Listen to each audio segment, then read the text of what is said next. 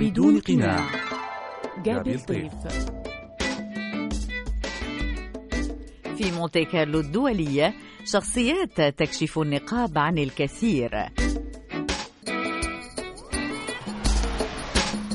من هو ضيف اليوم؟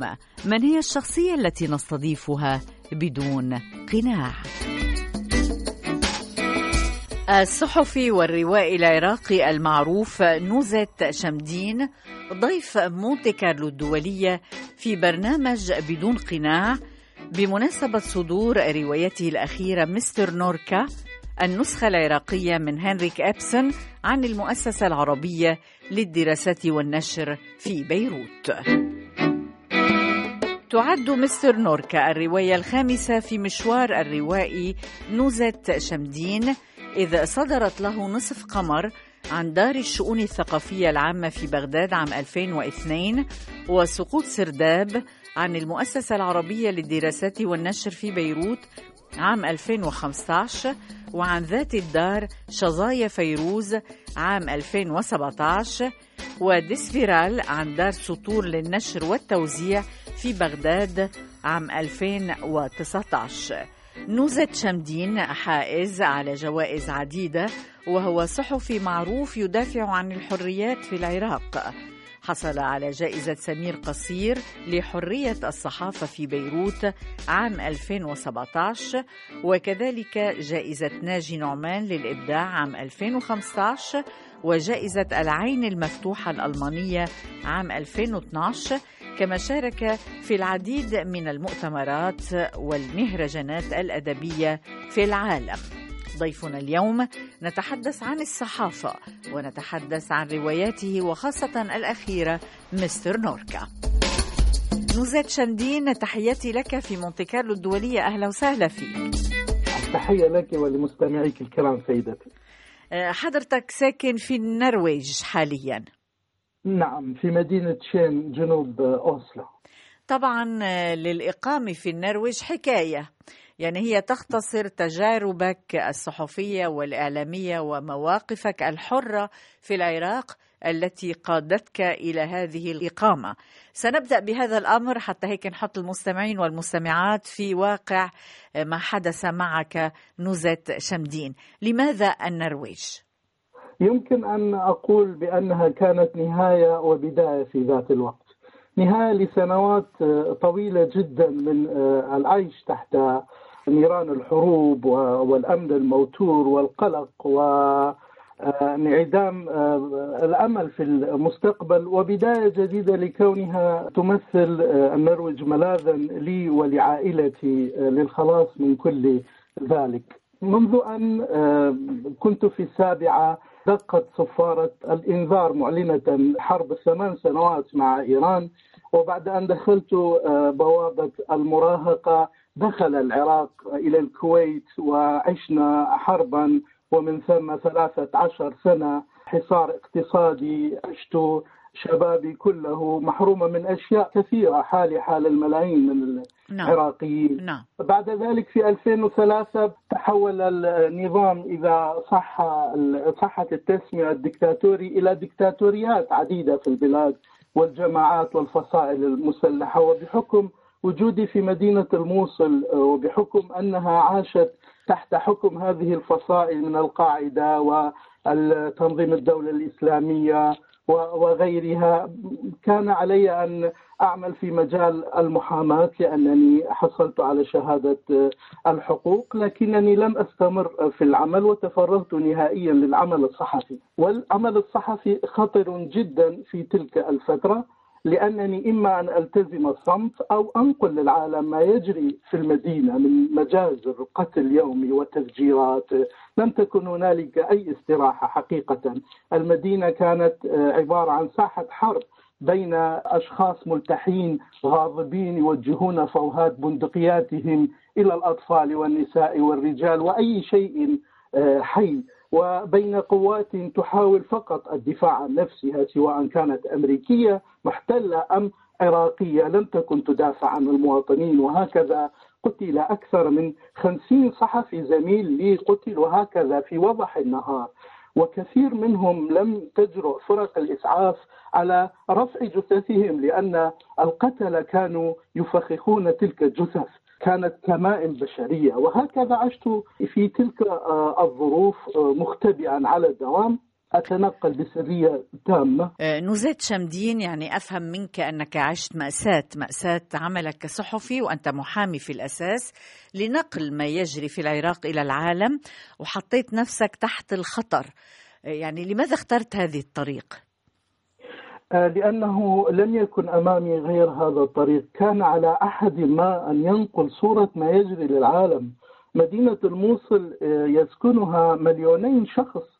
آه، لا يمكن أن يحملوا آه، جريرة بضعة مئات من المجرمين يعيشون ويختبئون في الجحور والحفر.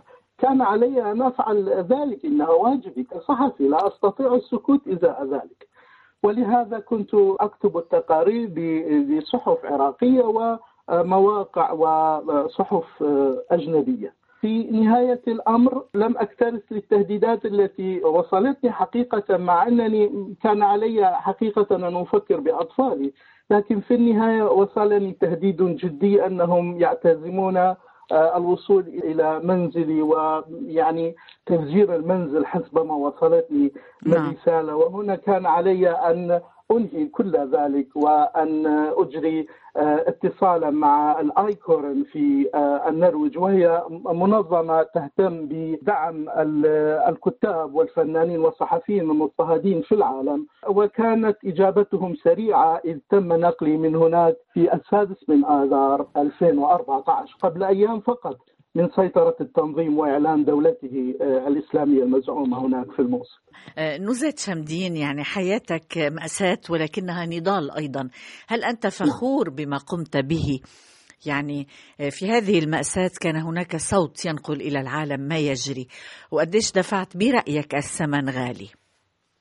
لا أستطيع أن أقول بأنني دفعت ثمنا آه، يكفي أن أقول أنني آه، تركت وطني وهذا نعم. لا يقدر بثمن حقيقة نعم. لكن نعم. تأكدي لو أنني لو حظيت بفرصة أن أعيش حياة أخرى لعشت كما عشت بل ألوم نفسي لأنني لم أقم بأمور أخرى كان يجب علي القيام بها من أجل فضح تلك الجماعات الإجرامية. آه، نوزة شمدين يعني كيف تصف العراق وتلك المرحلة التي عاشها الشعب العراقي؟ يعني نحن كانت توصلنا أصداء طبعا كما تصل الأصداء إلى كل أنحاء العالم تحطيم المتاحف قتل الأبرياء إلى آخره تفجيرات على كل الناس يعني. كيف تصف هذه المرحلة السوداء من تاريخ العراق؟ هي لا لا توصف وكما يقول نزار قباني ولا تسمى ولا تصدق. شيء آه، خيالي تماما. كان صوت الرصاص آه، يدوي ليل نهار والتفجيرات في كل مكان. كنا جميعا محكومون بالإعدام ولكننا لا نعرف الوقت آه، الذي سيجري فيه إعدامنا. كلنا كنا ميتون في الحقيقة. المؤلم في الأمر أنني أتذكر شخصا دهسته مركبة. هذه القصة لا تغادرني ابدا. البعض قالوا إنه كان يعمل عميلا للأمريكان وآخرين قالوا بأنه كان عميلا للمسلحين لتنظيم القاعدة. بعد أيام جاء لمجلس العزاء صاحب السيارة وكان صاحب تاكسي سيارة اجره قال كنت خائفا وهربت. الآن أريد أن أعترف بأنني دهست ابنكم وافعلوا بي ما شئتم. فقام الوالد المنكوب وأخذ مكبر الصوت وأخذ ينادي في الناس أنتم الذين اتهمتموني بالأعمال والآخرين الذين اتهموني بأنني عميل للجماعات المسلحة. ها هي الحقيقة تظهر. كان الناس منقسمون بين الموالاه للقوات الأمنية وللنظام في العراق وبين آخرين موالين للجماعات المسلحة. والصنف الثالث كان يعيش بين هذا وذاك يعد الساعات من أجل إكمال الحياة بلا هدف. كان العراقيون فعلا بلا أمل وبلا مستقبل. وأخشى ما أخشاه أن هذا مستمر لغاية الآن هنا. تحركي خطوة يا نصف عاشقتي.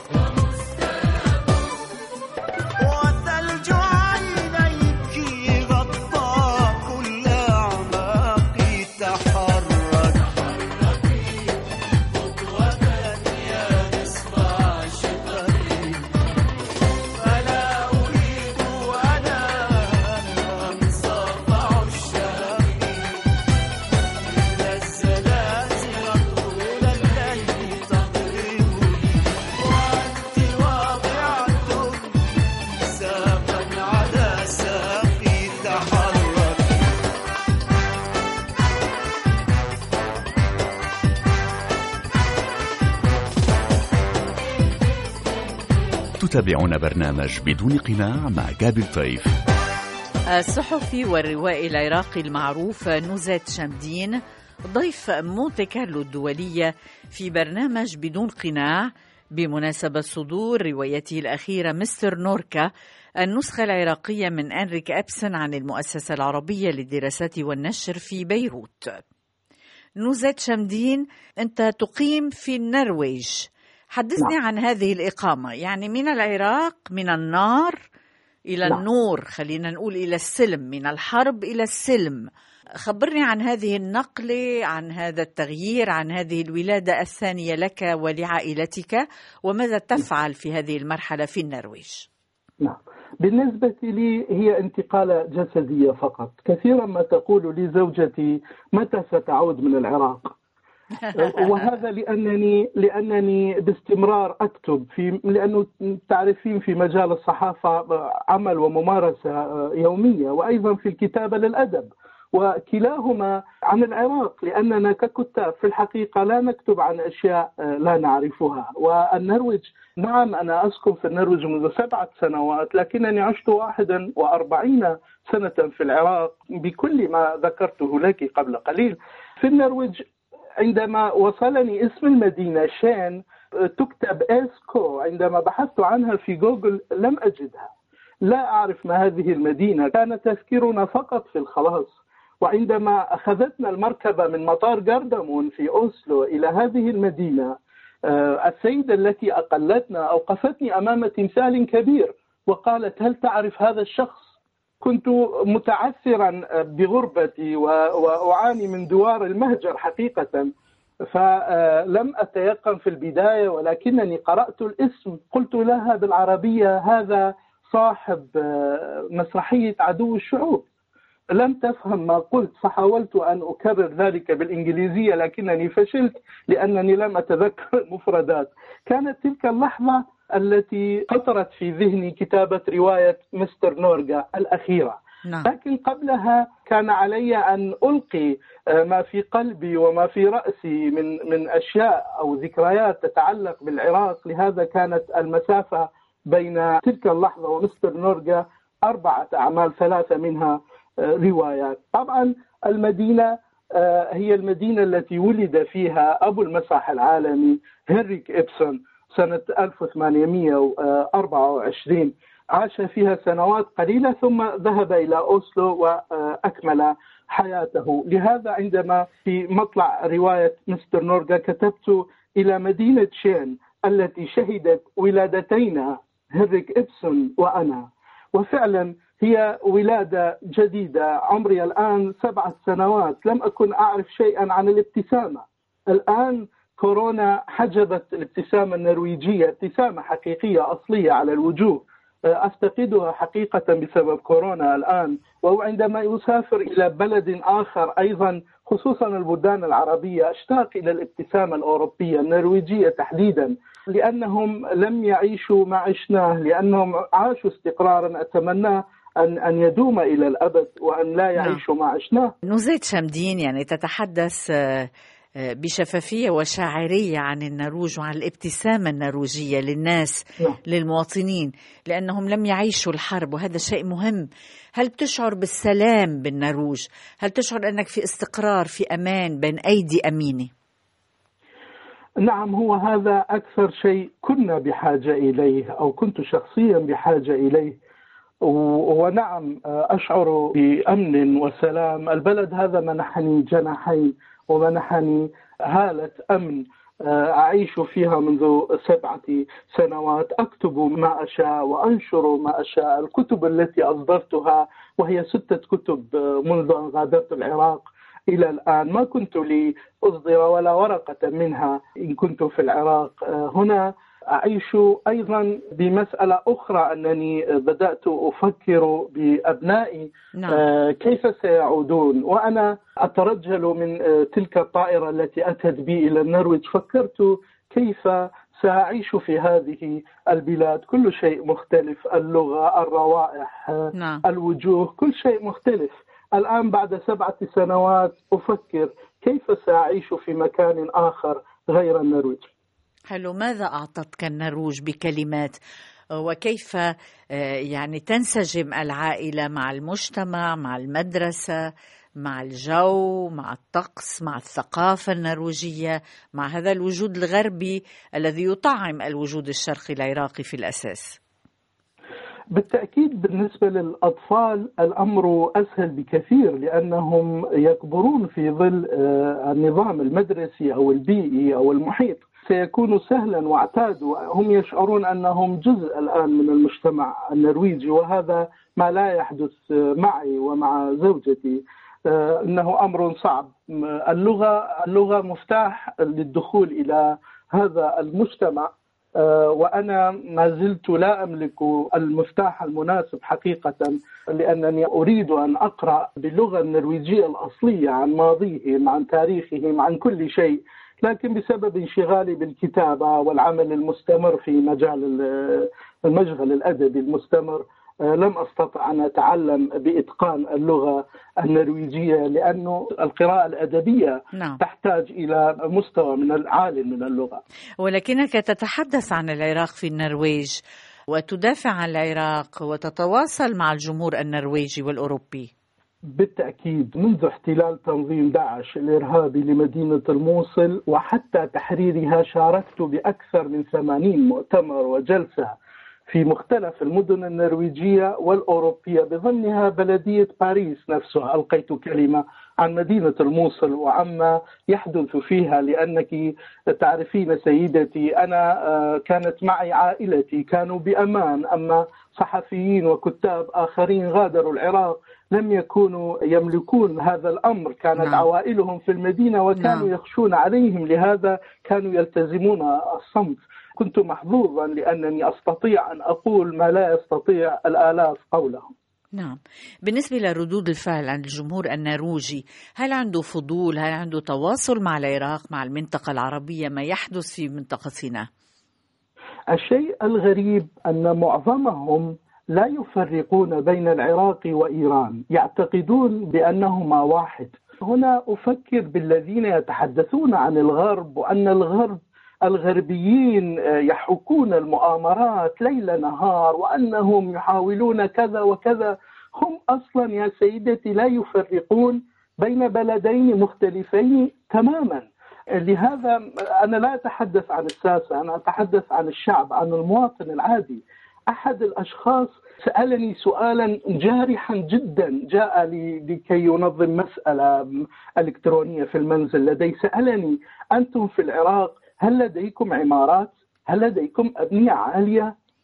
فصدمت من السؤال لأنه لم يكن يعرف من بلادي غير الحروب فاعتقد أن لا شيء قائم في هذه البلاد وشعرت بتأنيب ضمير كوني معني بهذه المسألة بطريقة أو بأخرى لأنني صحفي ويفترض أنني نقلت صورة ما عن بلدي شعرت بإخفاق كبير لحظتها. نوزت شمدين يعني ما هي رسالتك عندما تتحدث لأهل الغرب؟ لأنه هم متعطشون لسماع ما يحدث في العالم نعم. ويريدون نعم. أن يفهموا أكثر العقلية نعم. العربية والثقافة العربية والسياسة التي تؤثر نعم. أيضا على العالم نعم. والمشاهد القاسية التي تناقلتها وسائل الإعلام من العراق إلى العالم إلى آخره شو هي رسالتك؟ شو كانت مقاربتك لهذا الجمهور الغربي؟ أحاول أن أقول في كل مرة أن علينا جميعا أن نجد مساحة تجمعنا نحن كلنا بعيدا عن الفوارق الدينية والثقافية آه، التي تفرقنا. لا بد أن نجد تلك المساحة لكي نعيش بسلام.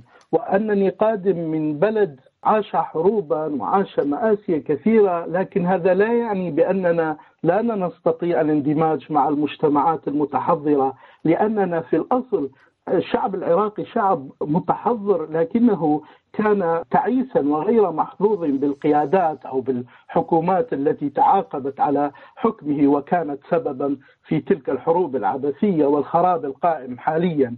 أقول لهم بأننا مثلكم بالضبط الفرق أنكم عشتم ظروفا أخرى ونحن عشنا ظروفا ولا تعرفون عنا شيئا لأن إعلامنا ضعيف ومتهرئ وإعلامكم هنا لا ينقل إلا ما يريد المسؤولون أو المسيطرون على الإعلام لا أكثر. نوزيت شمدين هل تتحدث عن الحضارة العراقية، عن تاريخ العراق المجيد، تاريخ ومهد الإنسانية وإلى آخره؟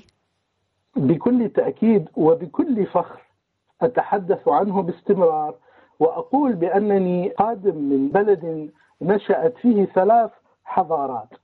وأتحدث بإسهاب عن هذا وأدعو الناس دائما إلى إنقاذ ما يمكن إنقاذه من هذه الحضارات لأنها في الأصل بشرية هي ملك للعالم أجمع وليس للعراقيين فقط. وكان هذا خطابي أيضا عندما قام داعش بارتكاب تلك الجرائم بحق نمرود ومتحف الموصل واستظهار نحو ألف موقع أثري وبيع آثاره للعالم. وحاولت كثيرا أن أثبت لهم خديعة التنظيم عندما ظهر أحد الحمقى منهم يحمل فاسا ويكسر تمثالا. الناس اعتقدوا بأن التمثال حقيقي لكن التمثال كان جبسيا. التماثيل الحقيقية سرقوها وأخرجوها إلى خارج البلاد وكل يوم نسمع الأنتربول أو الحكومة العراقية اكتشفت أو استرجعت قطعا أثرية كان التنظيم قد سرقها وباعها. اذا فحضارة العراق هي حضارة للعالم. وفي رواية الأخيرة كان لهذا مساحة كبيرة جدا. نوزيت شمدين حدثني عن هذه المساحة في كتابك لأن الكتاب قابل للترجمة أيضا وربما سيزور محطات عديدة من العالم. وهذا كنز أيضا تنقل عبره حضارة العراق وتاريخ العراق. تحدثت عن السومريين وكيف كانوا ينتقلون إلى العالم عبر القوارب التي يبنوها من البرد أو من القصب في جنوب العراق. وأيضا عن الآشوريين في مدينة الموصل وأيضا عن السومريين في جنوب العراق.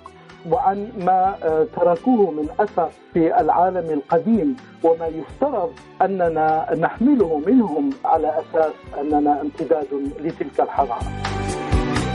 مشاعر تشاور تودع مسافر مشاعر تموت وتحيي مشاعر مشاعر تشاور تودع مسافر مشاعر تموت وتحيي مشاعر.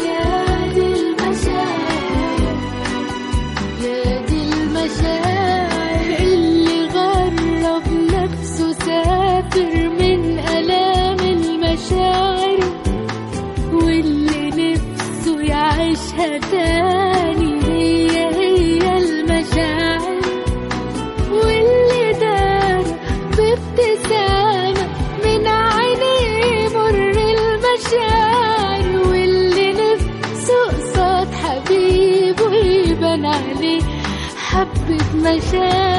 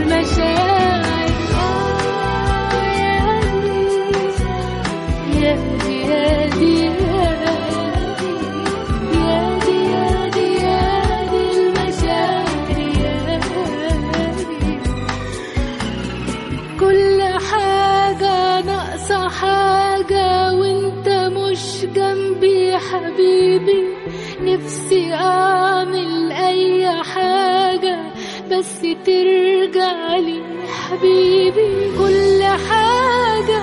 ناقصة حاجة وانت مش جنبي حبيبي. نفسي أعمل أي حاجة بس ترجع لي حبيبي. تتابعون برنامج بدون قناع مع جابل طيف على مونتي كارلو الدولية. الصحفي والروائي العراقي المعروف نزات شمدين ضيف مونتي كارلو الدولية في برنامج بدون قناع بمناسبة صدور روايته الجديدة مستر نوركا النسخة العراقية من هنريك أبسون عن المؤسسة العربية للدراسات والنشر في بيروت. وهي الرواية الخامسة للروائي العراقي المعروف. نزات شمدين يعني كتابك آه، في له مستقبل انه يجول العالم لأنه طالع من النرويج من روائي عراقي. في له نكهة خاصة وله هيك معنى آخر. كيف بتقدموا للي عم بيسمعونا اليوم؟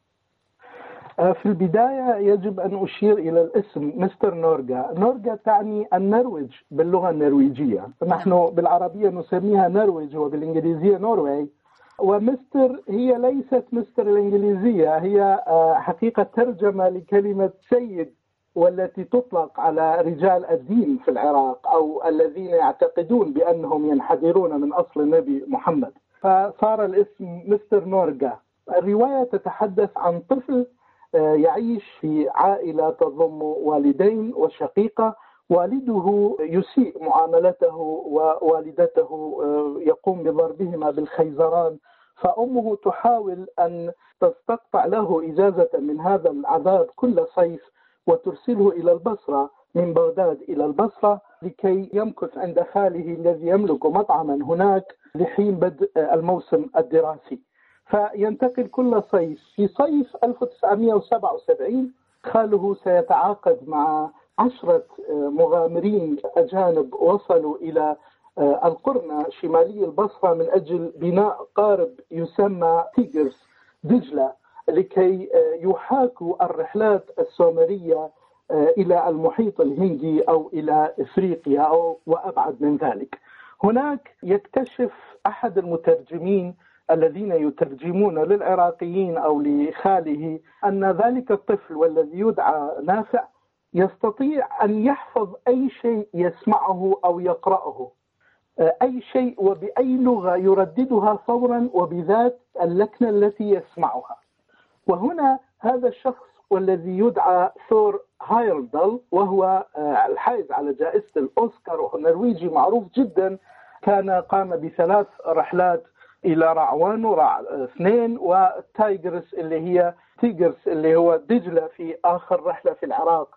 هناك يسمع آه، هاردا قصة هذا الشخص الطفل فيقول بأنك تشبه الكاتب والمسرحي هنريك إبسون. طفولتك تشبه طفولة هذا الشخص والذي هو مواطني. كان يعيش في مدينة قريبة من مدينة في نعم. النرويج. هذا الطفل يعود إلى بغداد واسم هنريك ابسون يدور في ذهنه فيبدأ بالقراءة عنه في المكتبة العامة يوما بعد يوم شهرا بعد شهر سنة بعد أخرى يقرأ كل شيء عن ابسون وعن النرويج وعن اللغة النرويجية فيبدأ آه، يعتقد بأنه يحمل جينا من هنريك ابسون يعتقد أن هنريك ابسون آه، جده الأعلى. آه، نزات شمدين يعني بنشوف من خلال سردك آه، للقصة أنه آه، هناك تزاوج بين العراق وبين النرويج. يعني هيدا أنت بجزئيك العراقي والنرويجي.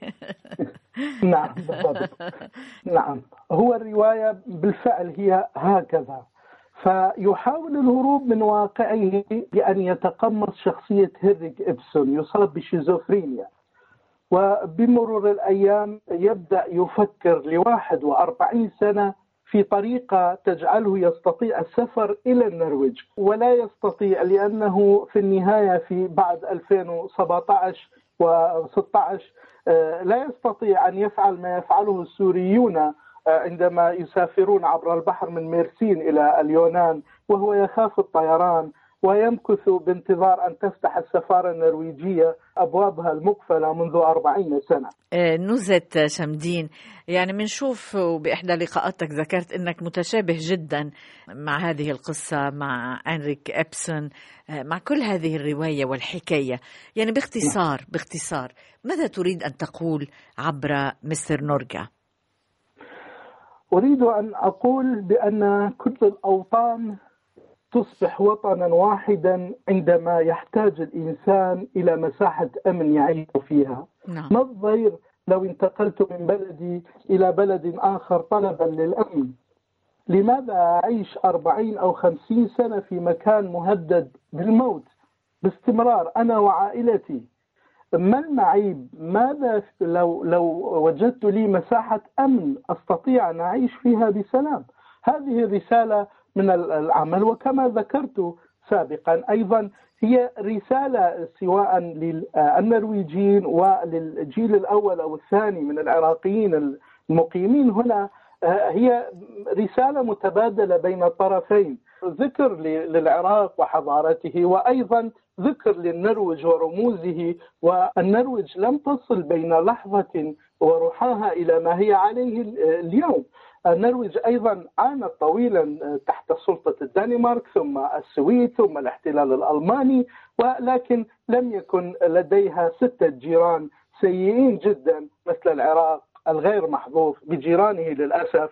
كل ما في الأمر هذا وإلا كان أيضا النرويج آه، لم يكن آه، لتختلف عن العراق. نعم. آه، نزات شمدين يعني بعيدا عن الأمان والاستقرار الذي تشعر به في النرويج بلد السلام ماذا تعلمت من هذه الثقافة من هذا الشعب من هذه الإقامة الغربية من هذا السلم الذي تعيشه والذي يختلف عن أجواء الحرب والتشنج والألم؟ تعلمت شيئا أريد أن أفسره لكي لا يتهمني أحد ما بالإلحاد. الله الذي في النرويج ليس هو الله الذي في العراق. هناك كل شيء محسوب في عشرة الخطوة صدقة في عشرة كل شيء بآلة حاسبة إيمانية. هنا يقومون بالأشياء بفعل إنساني خالص وليست بأيديهم آلة حاسبة تحسب الصدقات لكي يفعلوا شيئا جيدا للآخر. تعلمت منهم الصدق والأمانة تعلمت منهم الابتسامة تعلمت منهم احترام الإنسان. أو الزوج الذي كنته في العراق هو ليس الزوج الذي هنا في النرويج. الأب الذي كنته في العراق هو ليس ذات الأب الذي أنا عليه الآن في النرويج. تقريبا كل شيء بدأ يتغير. لا أقول بأنه تبدل ولكن يمكن لو كانت الظروف في العراق طبيعية لكنت عشت تقريبا آه، مثل ما أعيش الآن هنا في النرويج لكنني حقيقة تعلمت منهم أشياء كثيرة جدا وأنا مدين لهم بذلك. نعم. بالنسبة للكتابة نوزات شمدين كيف أثرت عليك برأيك هذه الإقامة؟ لأنه الكاتب يتشرب من المكان الذي يعيش فيه ويؤثر عليه ويستلهم منه. نعم في مستر نورجا ظهر هذا وبدأت أذكر ما لا تستطيع الكتب ذكره عن المجتمع النرويجي. هذا لا يحدث إلا بالاحتكاك والاندماج في المجتمع. المجتمع النرويجي الشخصية النرويجية مثل ترمز آه، الشاي أو القهوة آه، بارد جدا من الخارج لكنه دافئ جدا من الداخل. يتطلب بعض الوقت للوصول إلى قلبه. هذا ما أحاول أن أذكره للناس. أيضا الآن وبعد آه، سبعة سنوات من آه، وجودي في النرويج آن الأوان لكي أكتب آه، عن المحيط. اكتشفت حين وصولي إلى هنا هنالك جاليات والعربية منها والكردية منغلقه على آه، نفسها. اللغة وحدها لا تكفي للاندماج. إنها ربما آه، تفيد المرء للتسوق للتبضع للعمل في مكان ما. لكن أن نفهم أي مجتمع يجب أن نعرف شيئا عن تاريخه عن المراحل التي آه، مر بها. وهذا ما أفعله الآن مشروع الكتاب يرتكز الآن على هذا. لتعريف الناس بالنرويجيين وبالحضارة النرويجية من زاويتي من زاوية الإنسان القادم من بيئة أخرى إلى مجتمع مضيف مجتمع النرويجي المضيف. عمرك ما شفت معايا فرح كل مرة ترجع المشوار.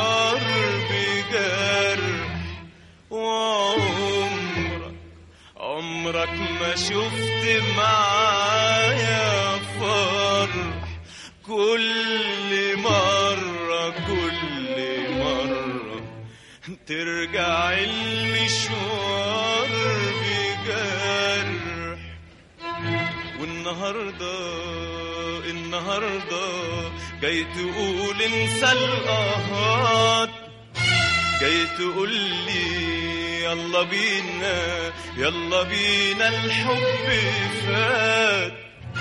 النهاردة النهاردة جاي تقول انسى القهات جاي تقول لي يلا بينا يلا بينا الحب فات.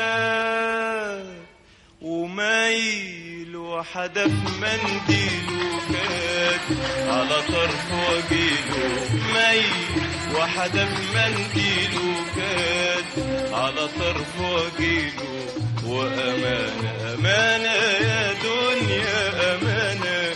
تاخدينا للفرحة أمانة. وأمانة يا دنيا أمانة. تاخدينا للفرحة أمانة. وأمانة يا دنيا أمانة تاخدينا للفرحة أمانة. وأمانة يا دنيا أمانة تاخدينا للفرحة أمانة. وتخلي الحزن بعيد عنا وتقولي للحب استنى. وتخلي الحزن بعيد عنا وتقولي للحب استنى. آه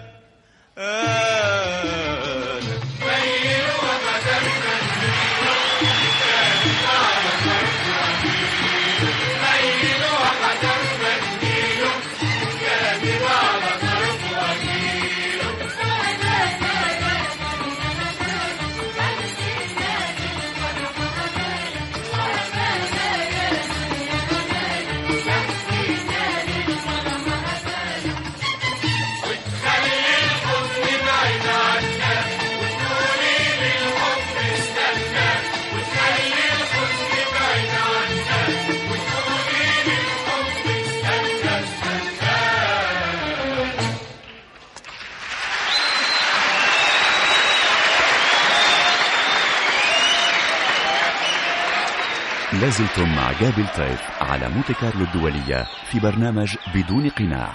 الصحفي والروائي العراقي المعروف نوزت شمدين ضيف مونتي كارلو الدولية في برنامج بدون قناع بمناسبة صدور روايته مستر نورجا النسخة العراقية من هنريك أبسن عن المؤسسة العربية للدراسات والنشر في بيروت.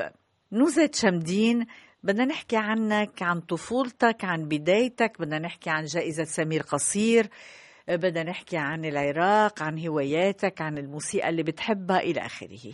ونبدأ بالطفولة. أين رأيت النور؟ لأنه برنامجنا اسمه بدون قناع.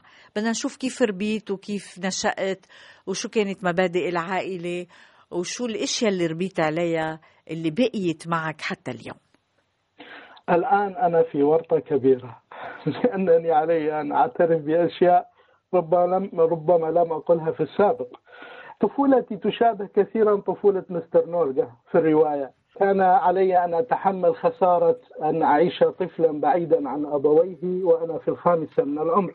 تولت عمتي تربيتي بعد أن افترق والداي وعشت في كنف عمتي في غرفة مستقلة. كان امرأة ثرية لكنني عشت طفولة لم أكن أستطيع أن أفصح فيه عن ألمي لأنني لن أجد أما تقول لي ها ابني شبيك كنت وحيدا على الدوام ولهذا كنت أقضي معظم الوقت في المكتبة العامة المركزية منذ وأنا في العاشرة والحادية عشرة من العمر. قرأت لعبد الرحمن منيف ولنجيب محفوظ والأدب الكلاسيكي ديتسوفسكي وتولستوي وغيره وغيره. إلى أن جاوزت مرحلة المراهقة وأنا على هذه الحال مع الكتب وللكتب آه، عشت حياتي كلها.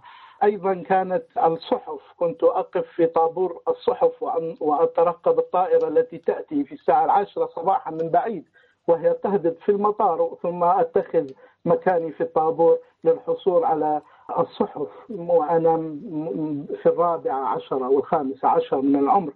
آه، إذا مهنة الصحافة وعالم الأدب لا زماني وأنا طفل صغير لكن آه، التفرغ لهما آه، بنحو كامل لم يتم إلا بعد أن تخرجت من قسم القانون في كلية الحجباء.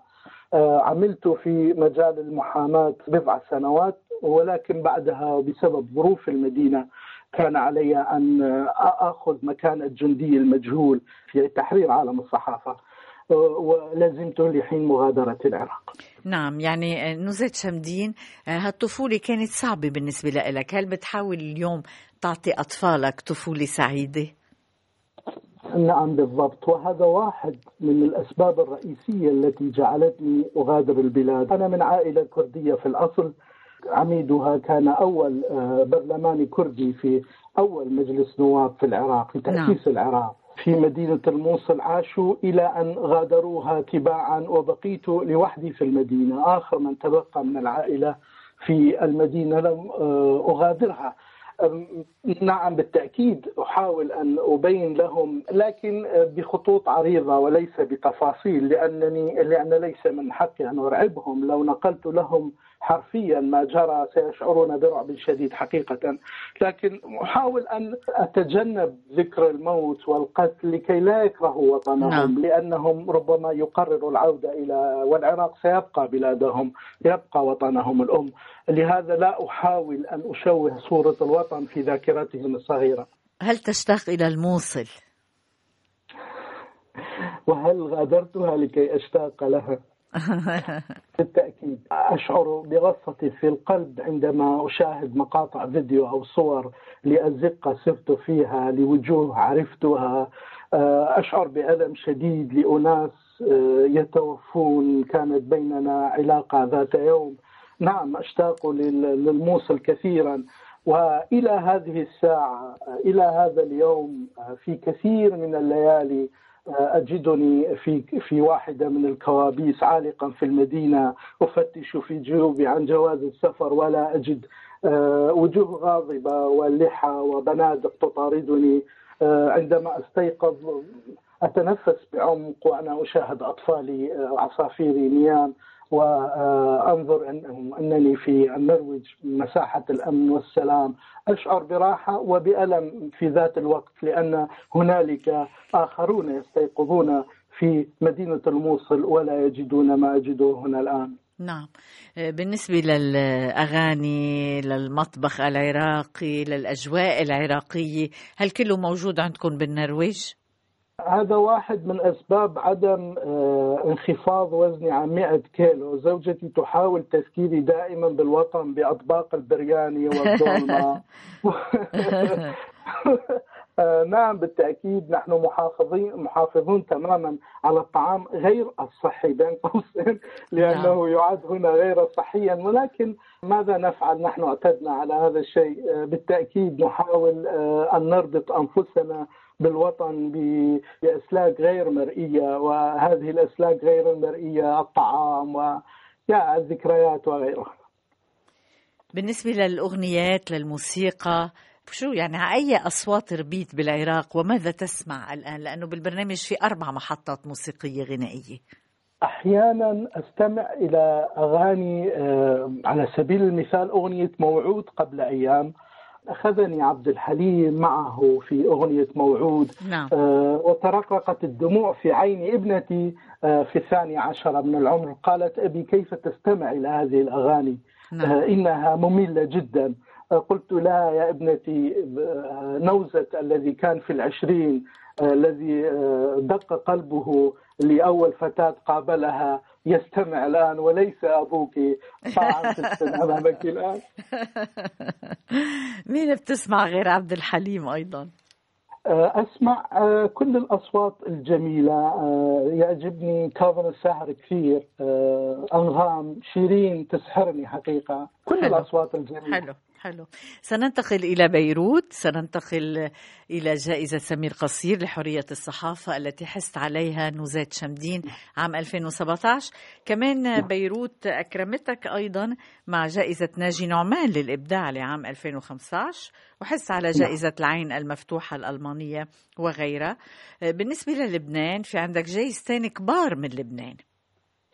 نعم بالتأكيد وأنا آه، أتشرف بهذا وكنت سعيد جدا بالتواجد في بيروت ومقابلة آه، بيروت الحبيبة جميلة جدا على الرغم من ال- الحزن البادي كان وقتها على نعم. الوجوه لا أدري لماذا نعم كانت واحدة من جوائز تلك آه، السنة كانت عن قصة خبرية اسمها الموسيقى في سرداب مظلم كانت تحكي عن شخص عازف عود يعيش في السرداب آه، هرب من تنظيم داعش ويعزف هناك ويمرن أو يدرب آه، أحد الشباب على العزف وكان يقول آه، ما دامت أصابعنا في أيدينا نحن بخير ويعني أنه ما دام يعزف فيعني أنه يقاوم ذلك الاحتلال.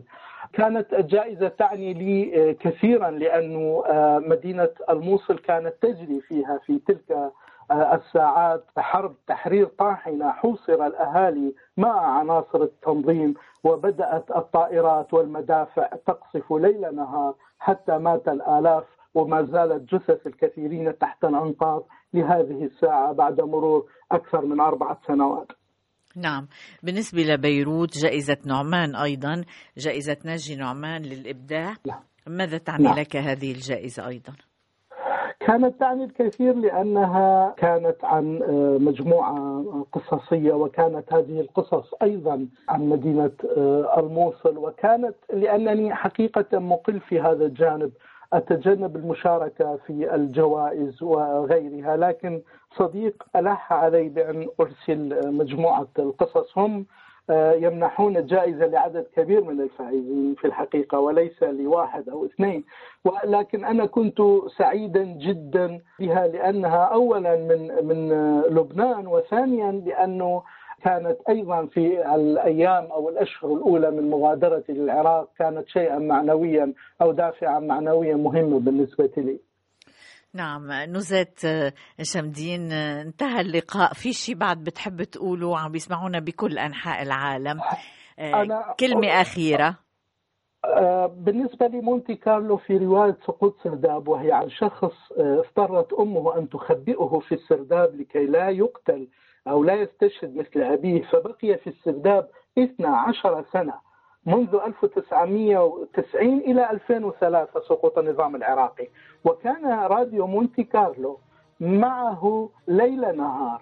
كانت عينه التي يرى فيها خارج السرداب. وها هي مونتي كارلو بعد كل هذه السنوات تأتي لتصبح عيني خارج السرداب المهجر خارج السرداب النرويجي يا هلا. نوزات شمدين فرصة سعيدة جدا أن. نلتقي. عبر مونتي كارلو. الدولية. أنا تشرفت بلقائك والتحية لك سيدتي الكريمة وإلى مستمعيك الكرام. يا هلا يا هلا شكرا لك. مونتي كارلو الدولية لكم دائما أطيب تحيات. جابي الطيف والفريق العامل جودي باتري وفنسان ستيفناغ بعد ما تعودت بعدك غصب عني غصب عني بعد ما تعودت بعدك غصب عني غصب عني بعد ما نسيت الأماني والتمني والتمني آه بعد ما تعودت بعدك غصب عني غصب عني بعد ما نسيت الأمل والتمن التمن كلمتين اتقالوا اتقالوا شالوا الصبر مني. كلمتين اتقالوا اتقالوا شالوا